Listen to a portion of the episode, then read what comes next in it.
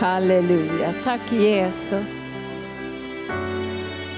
Och vi stillar oss i anden, vi är på helig mark. Och våra hjärtan, vårt innersta är det allra heligaste. En uppenbarelseplats för Jesus. Där han uppenbarar sitt hjärta, sina tankar och sitt namn. För att hans härlighet ska bli synlig i våra liv tillsammans och ut över världen. Och jag ber Herre att den här enheten i anden som vi får överlåta oss till, så vi kan höra och få samsyn i alla steg som vi tar. Ska vi ha samsyn, ett hjärta och en själ. Inte bara ett hjärta, vi ska vara en själ. Så vi kan känna för samma saker, tänka på samma saker och vilja samma saker. Så kom helige Ande och gör ett verk i våra liv den här dagen. Så vi klarar av trycket och attackerna och omständigheterna. För du har sagt att vi ska ha rättfärdighetens vapen i både högra och vänstra handen. Och vi tänker inte strida med mänskliga vapen. Men vi tänker ha vår rätt, precis som den här kvinnan inför domaren så ville hon ha sin rätt. Och jag ber Herre att det som du har kallat oss till här i arken, i den här kommunen, ska ha utrymme. Det ska ha utrymme för det som du har kallat oss till. Och det ska bli stort utrymme. Så vi ska kunna välsigna på alla sätt. På alla arbetsplatser, barn och ungdomsverksamheten, genom ungdomsgården, genom konferenser, seminarier. Ska vi kunna välsigna. Och vi vet här att vi kan be och begära välsignelse. Att inga människor kan stå emot och ställa sig i vägen för din härlighet. Och därför Herre vet vi att när du har satt ner din fot så kan vi sätta ner vår fot i dina fotspår. Och din härlighet ska driva undan allt mörker. Och när din härlighet är utgjuten så måste dagen falla. Och när han faller andra gången så tappar han både huvudet och händerna och all auktoritet. För din härlighet är starkare än alla mörkrets makter och alla förtal och allt negativt. För din härlighet, det är den som vi vill ha. Din närvaro. Allt annat har tappat sin betydelse för oss. För ett har vi begärt av Herren. Därefter traktar vi att få bo i Herrens härlighet och skåda hans härlighet. För du har sagt att de renhjärtade ska se dig. Och vi vill vara bland de renhjärtade som ser dig och förstår dina vägar och som har dina vägar i sina hjärtan. Och därför överlåter vi oss nu till dig och församlingen och den, det uppdrag som du har gett oss, att din härlighet ska prägla alla steg som vi tar. I Jesu Kristi Nazarens namn. Amen.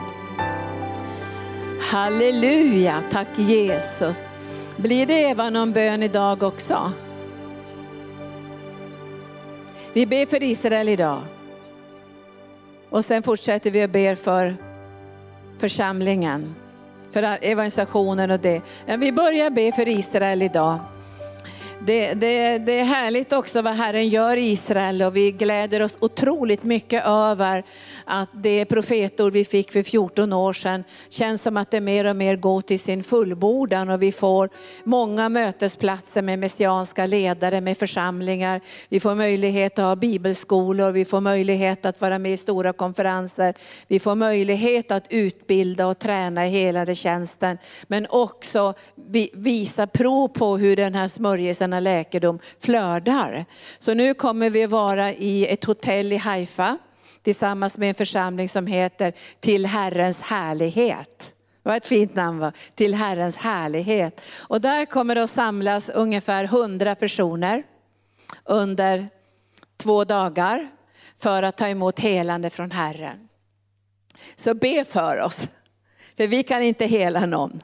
Men vi ber att Jesus ska träda fram med sin härlighet och sina sårmärkta händer. Och att vi ska vara öppna i den heliga ande för att kunna flöda med andens nådegåvor. Och jag sa till Herren häromdagen, om jag inte hör din röst då är jag död. Vi är så totalt beroende av Guds röst och Guds närvaro. Och därför är det ganska jobbigt det här som Anita sa, när det är krig hela tiden. Alltså när det är ett fruktansvärt tryck. Och jag var ju hemma nu i tre dagar för att skriva färdigt boken om inre bönen. Och nu är den färdig på korrektur. Och det blir ungefär 200 sidor. Det var, blev inte så stor bok men kring 200 sidor. Men jag kände ju att det, var, det hade varit lättare om det inte hade varit fullt krig. Eller hur? Men man- man får stå och göra saker i fullt krig. Och det, det kan vara tufft. Och då får man vara försiktig så man inte tappar Guds närvaro och Guds härlighet. För om vi inte hör från Gud, då kan jag inte vara med någon mer. Då är det lika bra att gå hem till himlen. Om Gud inte längre talar. För det går inte att fixa saker i egen kraft. Det går inte att hitta på saker när man är i stora konferenser.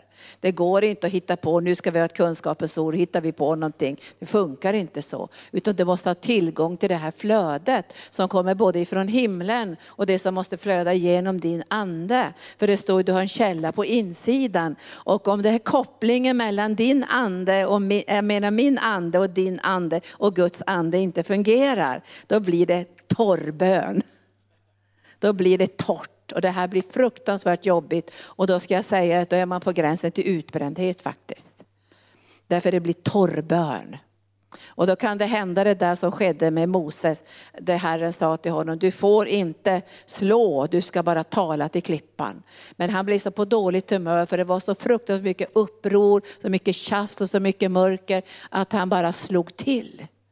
Och det, det, det här trycket gör att man ibland använder andra medel och vapen än vad som vi får använda. Och det var bra som Anita bad det här att, eller sa att vi har rättfärdighetens vapen både i högra och vänstra handen, eller hur? Men vi vill vara rädda om Guds andes närvaro. Och då ska ni få en liten uppmuntran här. Och det är att nu, det luktar så gott. Vi har nu fått från tryckeriet, måste ha varit i fredags, flera massor med tidningar. Och den här tidningen är ett dubbelnummer som heter Tema återhämtning.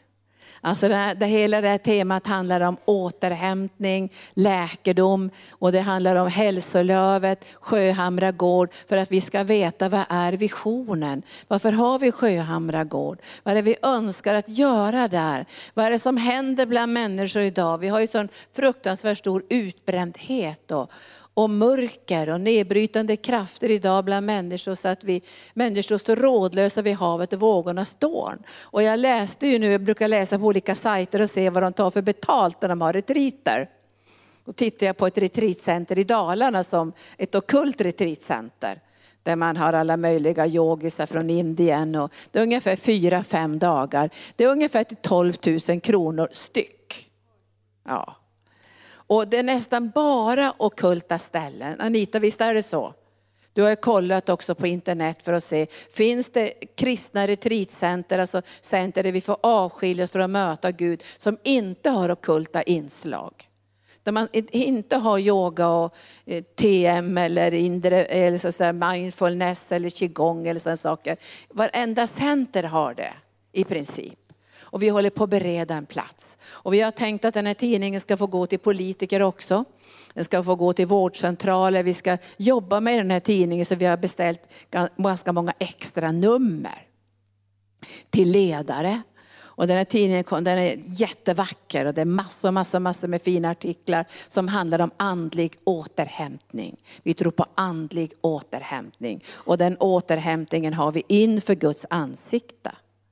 Och när jag skrev boken nu färdig om inre bönen då, så skrev jag också sexstegsmodellen. Sexstegsmodellen, det är det här den här korta återhämtningen. Att när du jobbar till exempel i skolan, Birgitta, du jobbar i skolan. Och så kanske efter två timmar känner du, ja det vart du lite trött. Då ska du gå in i den här källan, den här andliga återhämtningen. Bara några minuter. Gå in på toaletten eller ställa sig någonstans och säga, kom heliga ande.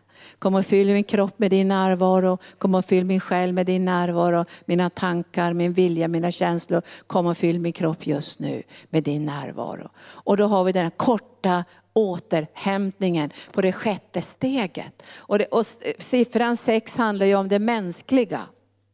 Och när man börjar känna att nu börjar man gå i det mänskliga. Då måste man stanna upp och erkänna, det är Gud som är min källa.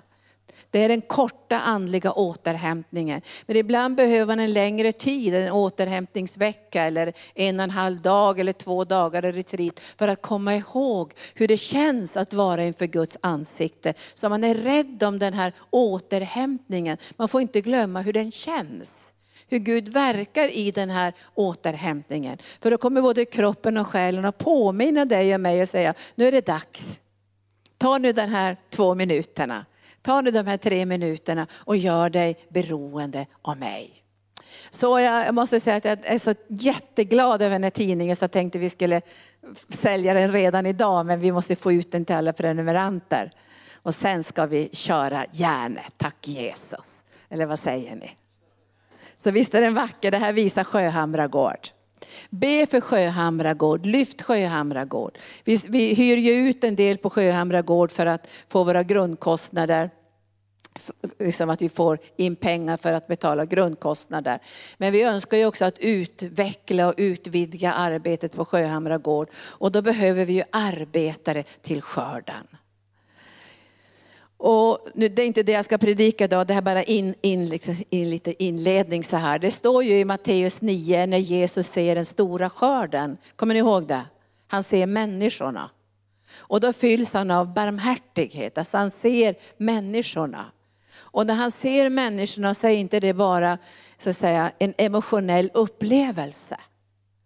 Alltså när jag var ung så var jag med i karismatiska väckelser under många år.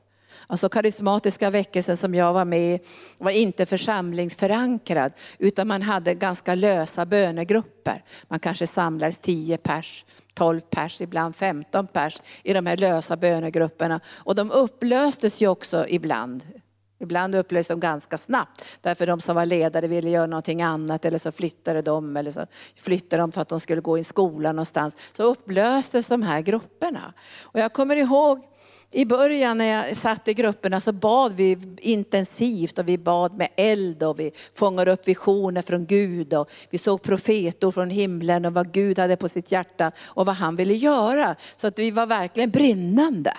Och när vi samlades så längtade vi efter att vi skulle höra något från Gud. Och han skulle tala till oss. Men jag kommer ihåg när det hade gått kanske två år ungefär så tänkte jag så här, det här är inte bra. För jag tänkte så här vill inte jag leva. Jag vill inte komma samman med människor och, och, så ska vi höra ifrån Gud. Jag måste ställa nästa fråga. Vem ska, vems hjärta ska det här hamna i? Hur ska vi få någonting praktiskt utifrån det här som Gud har talat? Det blev mina frågor. Finns det någon nedslagsplats i något hjärta? Och jag börjar fråga, nu har vi bett och vi har profeterat, vi har hört från Gud. Blir det någonting av det här? Eller är det bara en bön? Blir det någonting av det här? Vi måste ju få till det här på något sätt så att det andliga som vi ber får en praktisk konsekvens och ett utflöde. Och då måste vi be om arbetare, eller hur? Vet du, det var jätteskönt att be och det var skönt att gå hem efter bönen. För allt var som vanligt. Halleluja har vi bett. Och vi har bett för människors frälsning och vi har bett för genombrott och vi har bett för det ena och det andra. Och så samlas vi nästa vecka och ber igen. Och jag kände så här, vill inte jag ha det. Jag vill inte leva så här. Och jag börjar känna en, en, en frustration och nästan en ångest över att det här är ju inte bra. Alltså det, det, känns bra att be men det är inte på det sättet som Gud vill ha det. För Jesus säger ju när han såg folkskarorna så säger han, be skördens Herre om arbetare till skörden. För skörden är stor men arbetarna är få. Och det är därför som Gud vill ha församlingen, förstår ni? Därför då blir det en allmän nedslagsplats och då blir det också en nedslagsplats i ditt och mitt hjärta för våra gåvor, vår kallelse, det som Gud har lagt i våra liv, det kan vi lägga på altarplatsen för ett högre syfte och så blir någonting gjort. Och i morse så påminde Herren mig det här, när någonting blir gjort, då är det inte säkert att du ska göra det själv. För jag, jag hörde i morse Herren säga, Minns du Linda hur jag förklarade för dig om vad expansion var? Expansion, det började först i ditt hjärta. Expansionen. Och så kommer jag ihåg när han utmanade mig, det har jag berättat hundra gånger, men det är så länge sedan det här. Men han utmanade mig och säger så här, Linda, jag vill att du ska ge mig hundra hus. Det var innan arken fanns. Du ska ge mig hundra hus. Alltså det låter ju hysteriskt, eller hur? Det hade räckt med ett tredjedels hus. Men hundra hus. Men jag kommer ihåg mitt gensvar.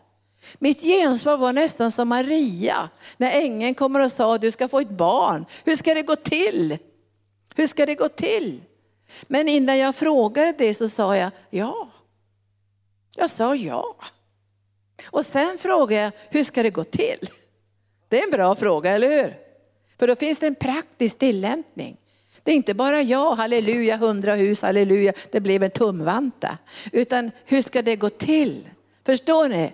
Den typen av bön som blir en tumvante, inte liksom min, jag gillar inte denna längre. Jag vill veta, finns det ett utflöde? Finns det någon som säger ja? Så bön är lite farligt också. För när Jesus sa till lärjungarna, be att skördens herre sänder ut arbetare till sin skörd. Då bad de, åh helige ande sänd ut arbetare. Och så hörde de, det är ni. Eller hur? Så då frågade jag, hur Gud, hur ska det här gå till? Och då tänkte jag på naturliga vägar först. Jag tänkte att jag kanske kan sälja någonting, kanske be min pappa och mamma, de hade inga pengar och ingenting. Och då sa Gud så här, jag måste få ett sädeskorn från ditt liv. Ett sädeskorn. Du har inga pengar, du har inga smycken, du har inga snygga kläder och ingenting att sälja. Men jag måste ändå få ett sädeskorn. Det var viktigt. För när Gud kallade så sa inte han, nu ska du fixa pengar och allt det. Jag vill ha ett sädeskorn. Och så sa jag, men vilket sädeskorn kan jag ge dig Gud? Och då sa han så här, att vad har du fått för någonting? Ja, men jag har ingenting säger jag, som jag kan sälja och så, men något har du. Och så sa jag, jag har en sak och det är den gåva du har gett mig att predika. Och den gåvan ger jag tillbaka till dig. Det var mitt gensvar, den ger jag tillbaka till dig. Och då hade jag kunnat börja jobba på McDonalds. Då hade jag kunnat börja på jobba extra på kvällarna för att få fram de här pengarna. Men det var inte det som Gud ville. Han ville engagera andra. Han ville få in hundratals människor in i det tänkandet som han hade lagt i mitt hjärta, hundra hus.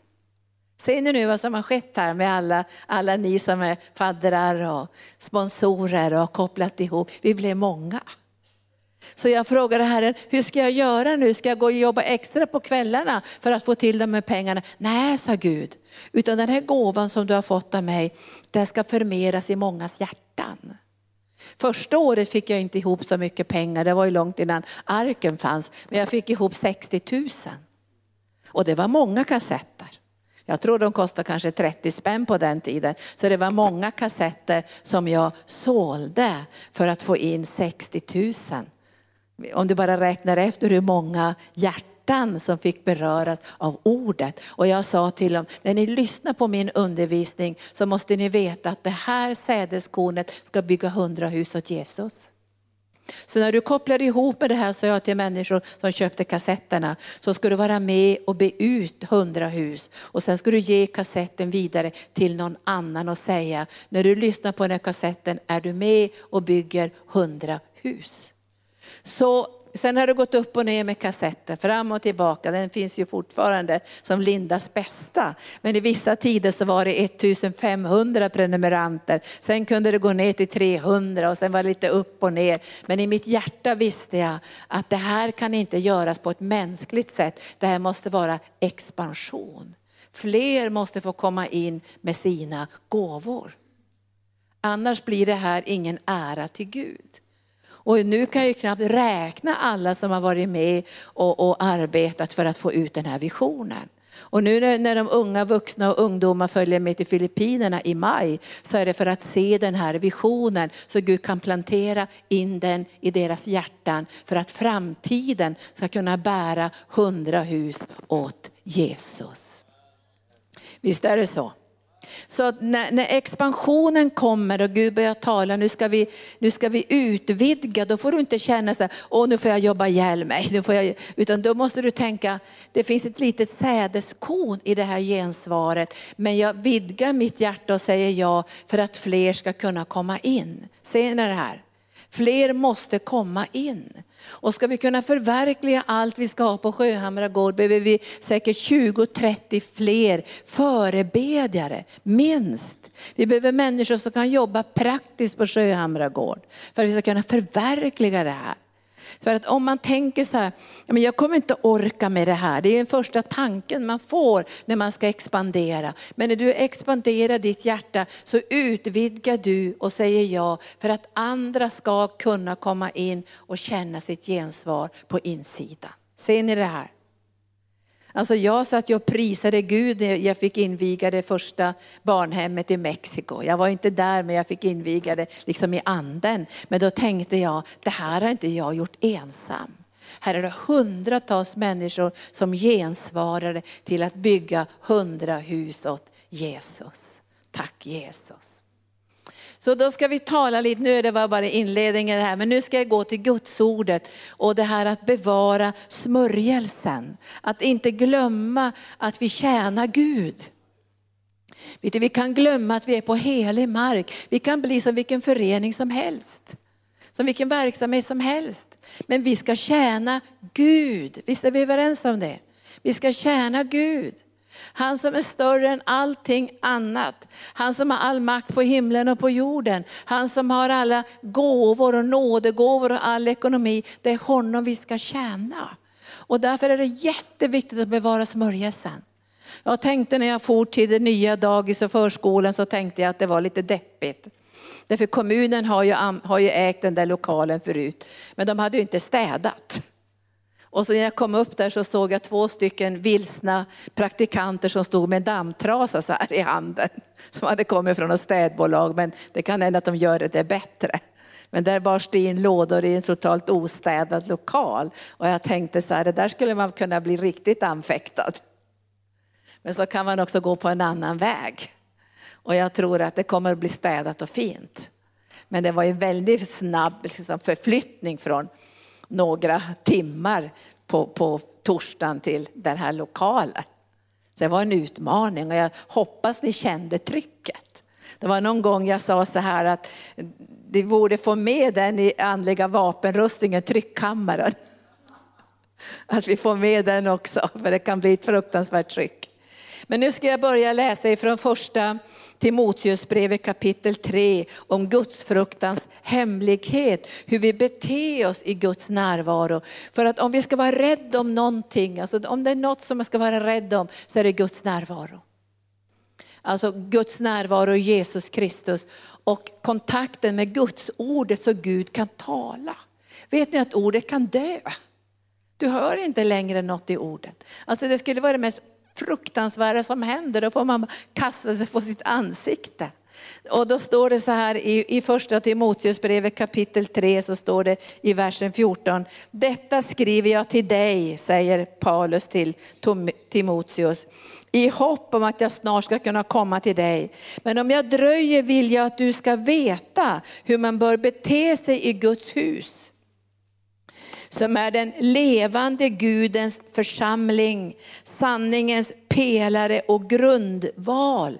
Sanningens pelare och grundval. Det finns inget fundament för sanningen utan Guds församling. Det finns ingen pelare för sanningen i den här världen om Guds församling vacklar. Eller vad säger ni? Alltså då blir det bara någonting mänskligt av allting. Det håller inte. Vi måste veta, liksom, vi, vi är Guds församling som är både sanningens pelare och grundval. För erkänt stor är Guds fruktans hemlighet. Vad är Guds fruktans hemlighet? Det är Jesus.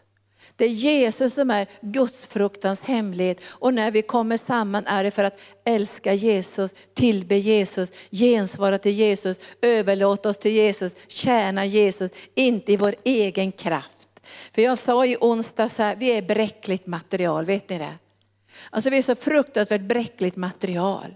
Igår skulle jag gå och kolla ögonen, tack och lov så har det blivit två gånger bättre. Så förra gången hade det blivit bättre och nu hade det blivit ännu bättre. Men jag tänkte jag skulle gå in på apoteket, jag skulle bara tänka så ska jag fråga dem, finns det några munskydd? Så jag frågade, finns det några munskydd? Nej, sa de. Du måste veta, sa de, att alla munskydd är, det är tömt alla lager i hela Sverige. Det är tömt i hela Sverige, det finns inte ett munskydd att köpa.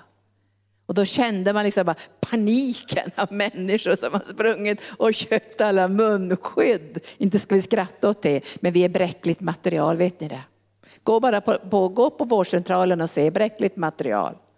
Åk till Jakobsberg och säg klockan åtta, då står människor långt ut ens på parkeringsplatsen. Därför vi är bräckligt material. Och det är verkligen viktigt för oss att veta att vi är bräckligt material. Och därför måste vi bära skatten i lerkärl. Vi måste bära skatten i lerkärl så att skatten kan verka i vårt bräckliga material. Och då får vi ny kraft och nya vingfjädrar och ny styrka och ny smörjelse. Därför vi är bräckligt material. Och då säger Bibeln så här, Jesus som är Guds hemlighet blev uppenbarad i kött bevisad rättfärdig genom anden, sedd av änglarna, predikad bland folken, trodd i världen, upptagen i härligheten. Så när vi kommer samman så får vi en mötesplats med Jesus. Och det är därför som vi, vi tar det här på sånt allvar, eller hur? Det är inte bara något slarv som vi gör utan vi kommer samman för att möta höghelig Gud.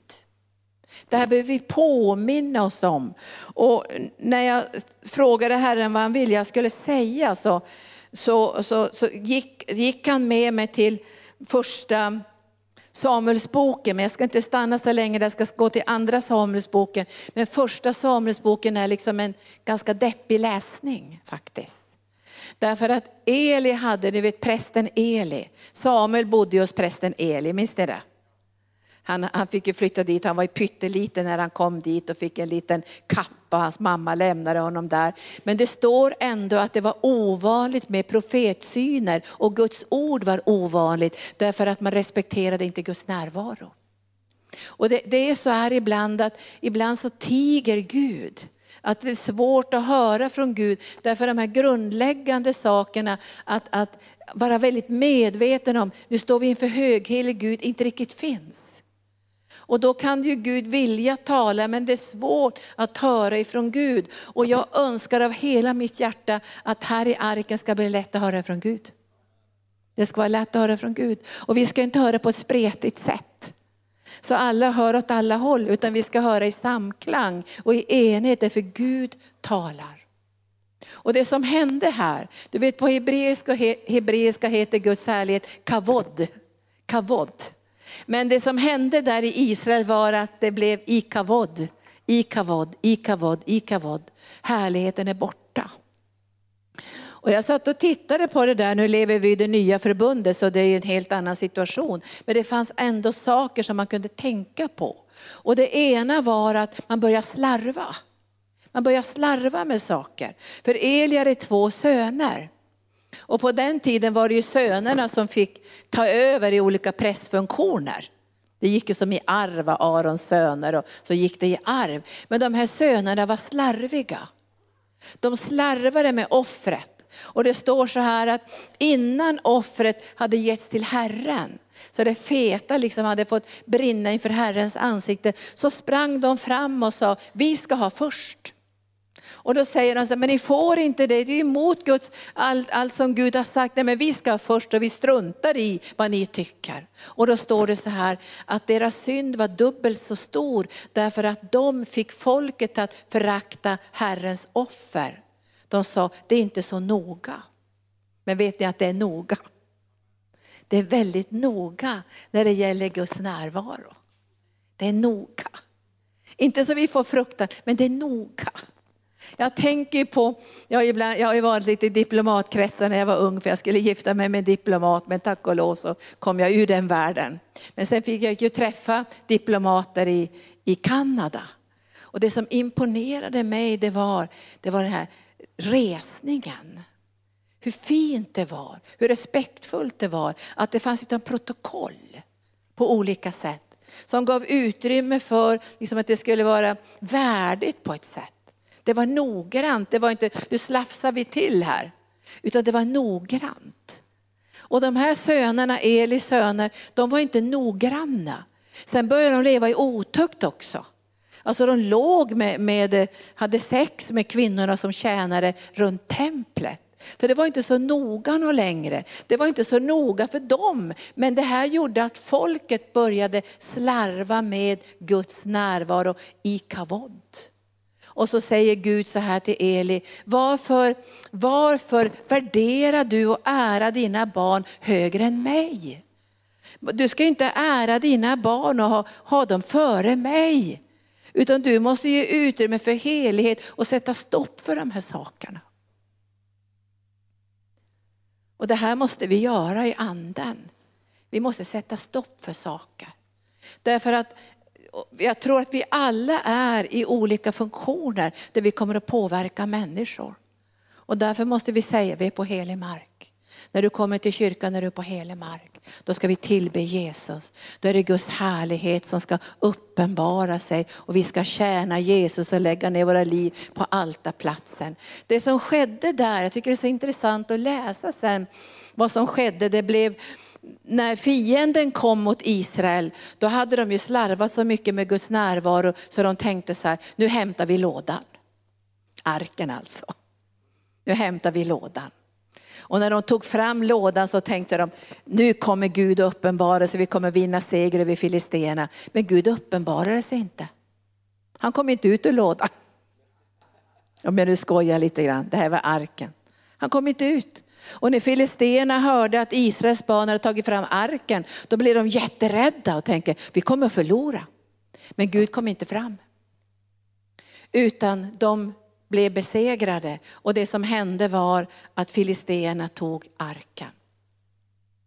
Det här är en sorglig berättelse. För Guds härlighet ska inte ligga i händerna på mörkret. Men det som var underbart det var när filisterna fröjdade sig och nu har vi tagit härligheten ifrån Israel och så ställde de in arken i Dagons tempel. Det gillar jag. Vet ni vad som hände? tänkte nu ska Guds härlighet få tillbe alla onda andar och Dagon ska visa sin makt över Guds härlighet. Men det gjorde han inte. På morgonen när de kom in i Dagons tempel såg de att Dagon låg framstupa på golvet. Och då ställde de upp honom. Och nästa dag så kom de in och då var huvudet av och händerna. Då blev de livrädda. Och det blev en katastrof i Filistenas land. Och de sa, vi vill inte ha arken här längre. Bort med arken, bort med Guds härlighet. Men Guds härlighet skulle tillbaka till Israel. Och jag tror att vi är iväg ett profetiskt skeende över hela vårt land. Nu ska jag inte tala så att jag är en profet, men jag känner att vi är på väg till någonting, Guds härlighet. Vi ska inte slarva längre. Vi är inför Guds ansikte. Vi kommer att få tillbaka en förväntan på Guds helighet och närvaro. Vi kommer att ge tid för att vänta också på den manifesterade härligheten inför Gud. Därför dagen ska inte bara falla, han ska tappa händer och huvud. Och det kommer att ske i den här kommunen, vet ni det? Han kommer att tappa både huvud och händer. Vi kommer att få genombrott i den här, jag lovar det, vi kommer att få genombrott. Vi kommer att få mängder med människor frälsta. Vi kommer att få genombrott när det gäller barn och ungdomsverksamheten. Vi kommer att få många fler barn som kommer till vår förskola och skola därför att de känner the glory of the living God. Guds härlighet. Det är ingen verksamhet, det är ingenting vi håller på med. Vi håller på att förreda en plats för Jesus. Vi är på helig mark. Och det här betyder att vi måste, vi måste titta på oss själva när det gäller moral och livsstil och sådana här saker. Men jag kan se i anden, dagen kommer att falla. Han har legat på sitt ansikte under en lång tid här i Kungsängen, men nu tappar han huvud och händer. Och Guds härlighet ska in i varenda, varenda byggnad här. I Sylta ska Guds härlighet lägga sig över hela Sylta, ända ner till Lillsjön. Vi kommer att se alla de nybyggda husen där Guds härlighet bara kommer att rinna över de här husen. Därför att vi är här för att uppenbara Jesus och den enda väg som går till Gud som kan frälsa är genom Jesus Kristus. Det är därför som vi är här och dagen kommer att falla. Och vet ni att filisterna var så rädda så de försökte komma undan allt det här som blev en konsekvens av att de hade stått emot Gud. För de står inte emot mig och Gunnar de här makterna, eller dig och Kalle eller Janne eller Anita. De står emot Gud, det är emot Gud. Och därför måste du tänka, det är inte dig människor strider emot, vem är du? Det är Gud. Och det är farligt att strida mot Gud, vet ni det? Det är farligt. Ni strider de mot mig eller mot dig. Vet ni att när det var bråk med, med Moses så bråkade inte han tillbaka. Han la sig på Guds ansikte och så säger han, vem är jag? Det är inte mot mig ni strider, ni strider mot Gud. Men dagen kommer att falla.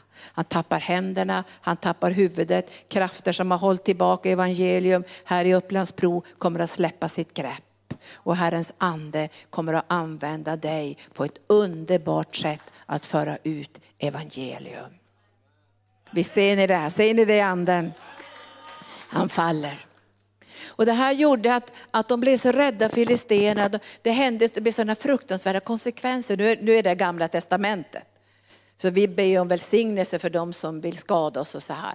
Men filisterna blev så rädda för det blev sådana konsekvenser. Så att de, de hade fått bölder och pest och det ena och det andra. Så de gjorde guldklimpar av bölderna alltså, och la det på den här, de hade två kossor. Så de tog två kossor och en kärra så la de arken där så sa de, bort med arken från det här landet. Det här är gamla testamentet. Men ni vet att Gud har en plan. Han tänker inte gå bort. Han tänker komma med sitt helande och sin kärlek och sin upprättelse. Men nu ska vi komma till nästa del här som gjorde att det här blev lite svårt också för David att föra upp arken till Jerusalem. Det var att det blev för familjärt. För innan arken kom till Jerusalem så hamnade den i ett privat hem. Och, och bland annat så fanns det där en kille som hette Ussa. Och nu satte de inte arken längre på en, på en, kär, en kärra med, med kossor utan de tog en ny kärra och så tog de oxar. Men du vet att arken ska inte bäras i en kärra. Det är så de bar sina avgudar, filisteerna. Arken, Guds härlighet, måste bäras i hjärtat. Och när Herren talar till David så säger han att arken måste bäras av leviterna. Och på den tiden bar ju de på, det, på axlarna. Men om jag säger nu så måste det bäras i hjärtat. Det, för Herrens härlighet får inte bäras i en oxkärra. Den får inte dras av oxar. Utan den måste bäras i hjärtat. Och det här är en utmaning för Herrens härlighet. För Herren nöjer sig inte med att vi kommer samman på söndagen och så ber vi att Guds härlighet ska komma. Han vill att den här härligheten ska vara med dig när du går härifrån. När du är ställd på en viss plats eller på en arbetsplats eller i möte med människor. Då ska Guds härlighet flöda igenom dig. Men när de bar den här så att säga, härlighetens ark i en oxkärra, då kom ju Ussa och tänkte hjälpa Gud när arken höll på att tippa. Arken höll på att tippa på oxkärran och då, då säger Ussa, jag måste hjälpa Gud. Och sen så försöker han få upp, den här, få upp arken så inte allting ska tippa. Och det här gick ju inte så bra heller. Och då lämnar man arken i Obed-Edoms hus, ett annat privat hus. Och det blev ju också välsignat. För Gud var ju där. Men David han gjorde fel. För när han skulle föra upp arken till Jerusalem första gången, i andra Samuelsboken kan du läsa om det, så, så står det att då hade han ändrat på det här. De hade inte längre oxkärra. De, de, de försökte inte hjälpa Gud på det här mänskliga sättet, utan nu bar leviterna arken i sina hjärtan. Och sen står det att var sjätte steg var sjätte steg, så stannade de. Och det ska jag läsa ifrån kapitel 6 i andra Samuelsboken 6 och 13. När de bar Herrens ark hade de gått sex steg framåt. Då offrade han ett djur och en gödkalv. Själv dansade David med all kraft inför Herrens ansikte och David var klädd med linne i fod. Så hämtade David och hela Israel Herrens ark under jubel och basuners ljud. Visst är det bra det här? Vi bär Guds härlighet i våra hjärtan. Vi stannar på sjätte steget och säger vi är beroende av dig Gud. Vi är beroende av dig Gud. Det är du som har berett vägen. Det är ditt offer som har öppnat den här dörren. Det här gör att vi kan bevara ödmjukhet och Guds närvaro under hela vandringen, eller hur? Men David dansar ju första gången också, men nu dansar han ännu kraftfullare. Alltså han dansade så kraftfullt, han jublade. Och jag tror att det Guds härlighet kommer tillbaka starkt och det ska komma ännu starkare för Gud har lovat från härlighet till härlighet. Då tror jag att vi ska återta ännu mera jubel och glädje. Eller hur? När det är kamp och, och tryck och så här. Det första man kan känna av då det är att kraften tryter och glädjen tryter. Men det har du aldrig känt Birgitta va? Har du känt av det lite? Inte mycket, inte mycket va? Lite. Men det har känts va? Att när tröttheten kommer, visst kommer det nästan på posten, man tappar glädjen. Därför glädjen i Herren är vår styrka.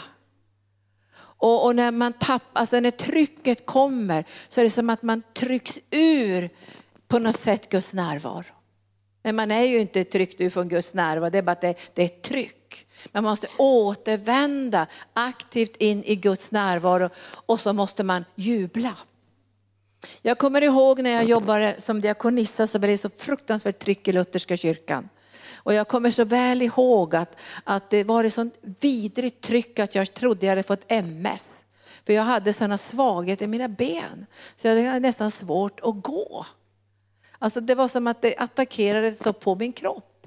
Och jag hade, mitt, mitt, mitt ena barn satt i vagn på den tiden och, och, jag, och så hade det varit så förtal och förföljelse. Ja, det var så jobbigt allting. Och sen skulle jag eh, åka med bussen och så ska jag stiga ur bussen och jag kände mig så nedslagen av allt det där förföljelsen och mörkret och attacker, problemen med benen. Och jag sa, Gud det här är så jobbigt, Gud jag tror inte jag orkar med det här någon längre. Och så sa han så här, kommer du inte ihåg Linda vad du skulle göra när du blir förföljd? Nej, sa jag, jag kommer inte ihåg det, jag visste ju det. Men jag ville vill inte komma ihåg det. För han sa, hoppa upp med fröjd. Hoppa upp med fröjd. Så jag hade ingen lust att göra det. Men vet du, jag gjorde det utanför bussen. Alltså jag hade barnvagnen men jag hoppade upp av fröjd. Och jag gick där och dansade med den där barn i tro, det kändes inte bra. Men vet ni att när jag hade gjort det där kanske fem minuter så kom det en våg. Alltså det här är sant. Det kom en våg av glädje som bara fyllde mitt hjärta. Jag kan inte förklara det. Det kom bara en våg och jag lyftes upp över allt det här. Hur kunde jag känna mig så ledsen över det där lilla? Jag har ju Gud med mig. Men det var som en våg som strömmade in i mig. Och jag tror att vi kommer att få tillbaka, en, få tillbaka, vi kommer att få ännu mera glädje. Ännu mera glädje. Och det här är en glädje som kommer att göra oss, vi kommer att bli med barn. Vi kommer att bli allihopa gravida. Vi kommer att bli gravida med tvillingar och trillingar och fyrlingar och femlingar. Och till och med de som är äldre, nästan hundra år, kommer att bli gravida. Och även om du skulle säga idag, ja men min livmoder är torr för länge sedan, min andliga livmoder, så kommer du att bli gravid. Kommer du att bli gravid med Guds drömmar, Guds tankar och Guds planer. Kommer du att bli gravid. Och du kommer att känna att de unga och de äldre kopplar ihop i anden, för ni är gravida. Och när du möter den unga generationen och berättar om det barn som du bär på insidan, då kommer barnet att spritta till i den andres liv. Därför är det fött av Gud. Och det här kommer att ske, ni kommer att bli gravida. Och jag, jag, såg i anden det här, när det här jublet kommer, när glädjen kommer, när vi intar det här i anden, den glädje som är vår. För vi bär Herrens ark och Herrens härlighet till folken. Det är det som vi håller på med. Vi bär Herrens härlighet till den unga generationen, till skolorna. Vi bär Herrens härlighet till, till vård och omsorg. Vi bär Herrens härlighet till den här kommunen. Vi bär Herrens härlighet tillsammans. Och när David dansade, och jag ska bara se, visa det här någonting, det här glädjen, det här jublet. Vi ska inta glädje och jubel. Och när vi har varit under tryck och vi fortfarande till en del under tryck, då måste vi ännu mera inta glädjen. Så när du nu eh, tar lite stunder av återhämtning, gå in på toaletten och dansa också. Gå in fem minuter, halleluja, bara gå in. Därför att det stärker din graviditet. För du ska vara gravid med Guds drömmar, Guds planer och med Guds vilja. Du ska inte vara utanför och titta på, du är med. Och David han dansade. När de förde in Guds ark i Jerusalem så står det att han dansade och han jublade och han fröjdade sig så att han skämde ut sig. Jag hoppas ni skämmer ut er med glädje och dans.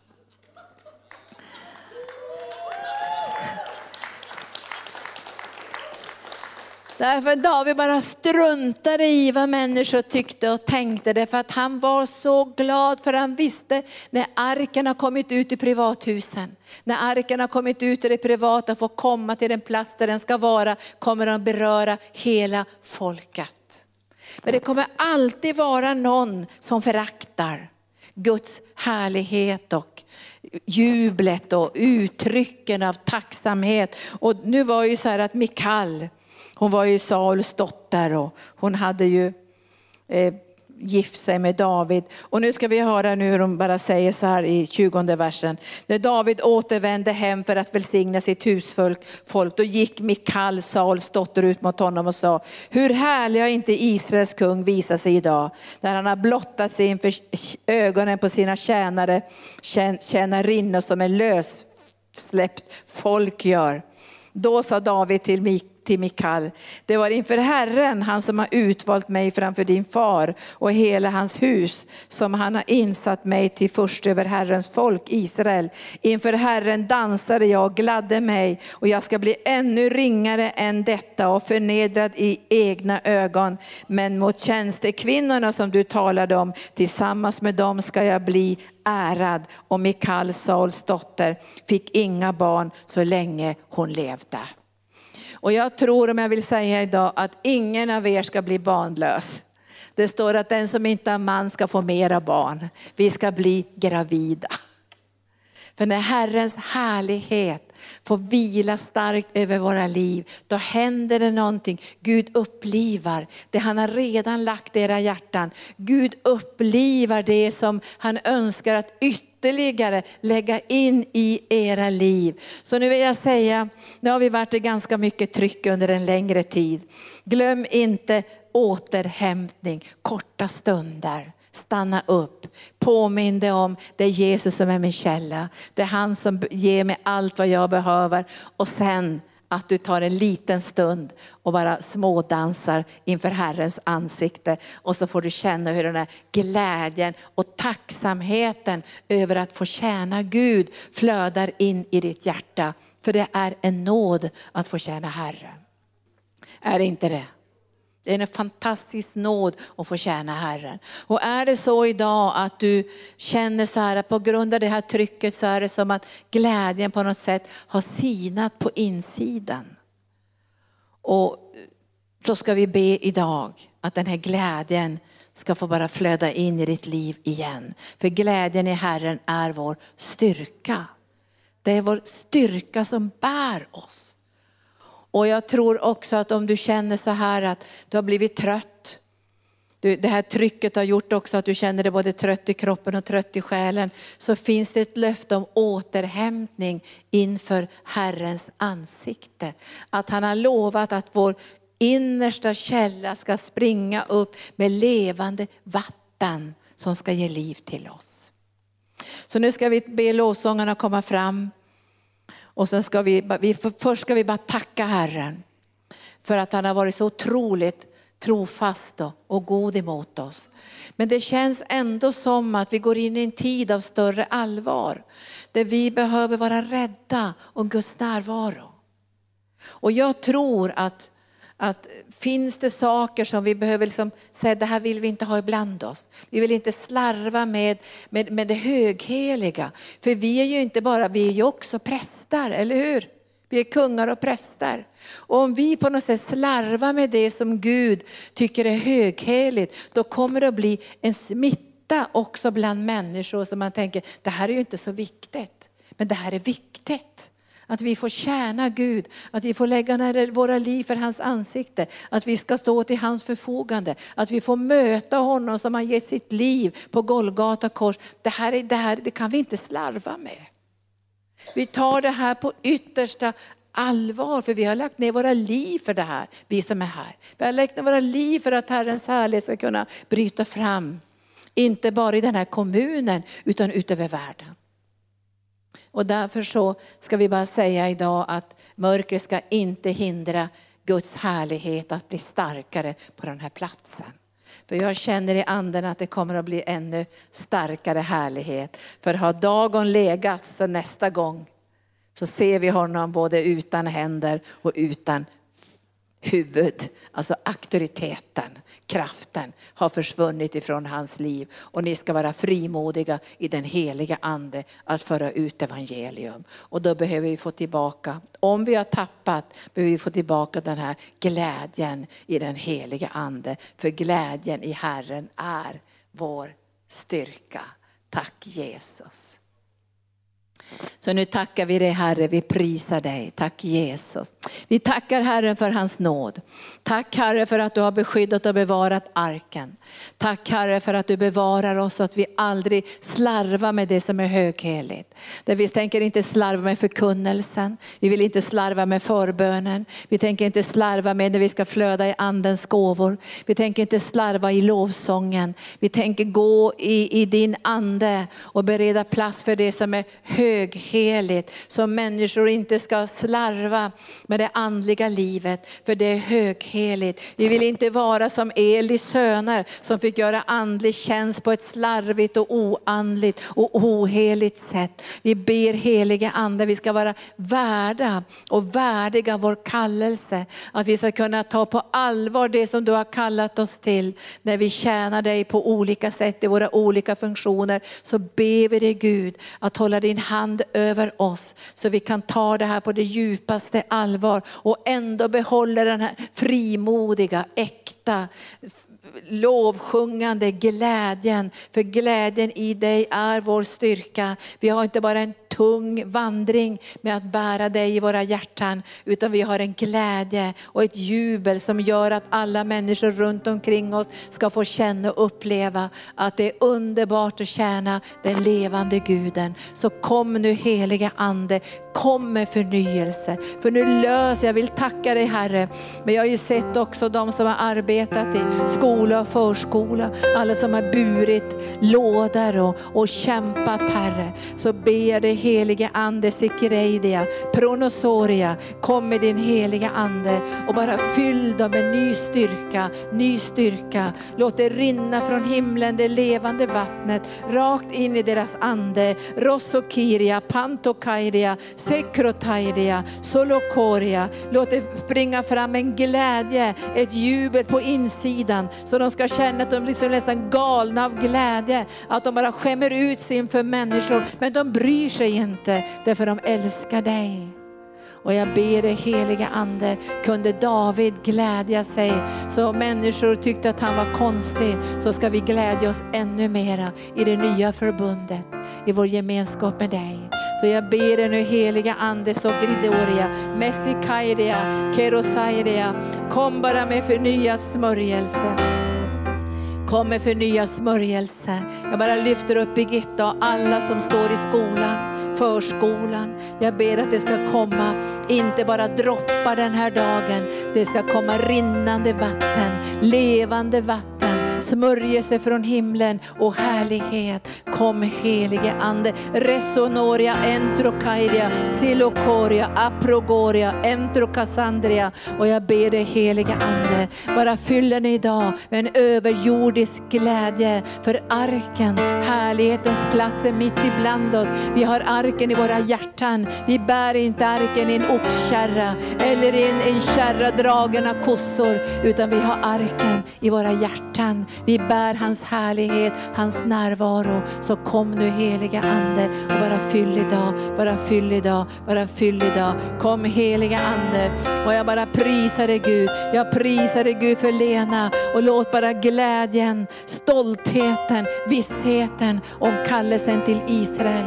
Att låta din härlighet få flöda fram till folken till de som ska se den som de har stungit och beröras i sina hjärtan och bli helade och upprättade. Jag prisar dig Herre för en grupp som bär här i arken också bönen för Israel, att det ska bli genombrott i bönen. Det ska bli ännu fler dörrar som öppnar sig. Vi ska få se under och tecken i Israel. Det ska inte bara bli lite prat och lite allmän förbön. Vi vill se din härlighet Jesus. Vi vill se dina sårmärkta händer. Vi vill se mirakler Jesus. Och vi ber om sponsorer, många som älskar Israel ska sätta sin skuldra till så vi ska kunna utveckla arbetet i Israel på många olika sätt för framtiden. Och jag lyfter Lena och hela gruppen som ber för Israel att de ska vara bärare av din härlighet och höra ifrån himlen det som kommer ifrån ditt hjärta. Kom helige Ande med förnyad glädje, förnyad smörjelse och förnyad härlighet. Kom helige Ande,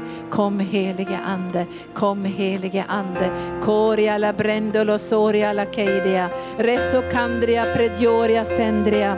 Jag bara prisar dig Herre för helig återhämtning inför ditt ansikte. Och jag prisar dig Gud för att du ska låta henne få känna den här ljuvliga smörjelsen som kommer när hon stannar på sjätte steget. Hon känner igen sjätte steget. Hon vet när sjätte steget kommer, både i kroppen och i själen. Då stannar hon upp och hon får en erfarenhet av en återhämtning som kommer från himlen. En övernaturlig smörjelse där Herrens ande säger till dig att unga män de kan falla, ja unga lejon de kan också bli trötta. Men de som väntar efter Herren, de hämtar ny kraft och de färdas framåt utan att bli trötta och utan att bli uppgivna. Och jag ber dig helige Ande Sekrodoria, Prendo Kairia, låt oss känna igen det sjätte steget, Kabrokendria, så vi kan stanna upp tillsammans, så vi kan hämta återhämtningen från dig. Resokoria, jag ber dig helige Ande att all personal i skola, förskola, alla som arbetar på helande centret, alla som tjänar människor, jag ber dig helige Ande, låt dem få en uppenbarelse av förnyelsen och återhämtningen inför ditt ansikte. Kom helige Ande, kom helige Ande, kom helige Ande.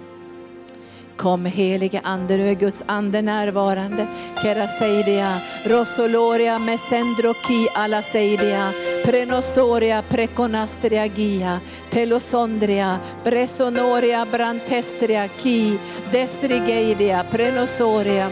Kom helige Ande, kom helige Ande, kom helige Ande, kom helige Ande, kom helige Ande, kom med din härlighet, kom med din närvaro förnyat, kraft, förnyad kraft, förnyad kraft. Har du haft utbrändhet i ditt liv så säger Herrens ande att en eld ska börja brinna i ditt liv, en helig eld. En helig eld. Och du kommer att skilja, säger Herren, på den eld som kommer ifrån världen, ifrån mörkret och omständigheterna. Och den eld som kommer ifrån mitt hjärta, säger Herrens ande. Och det är den elden som ska brinna allt mer i ditt liv. Den helige Andes eld. Så säger Herren. Tack Jesus. Tack Jesus, tack Jesus, tack Jesus. Ge dig ära, lova dig. Tack Jesus. Åh, vi prisar dig.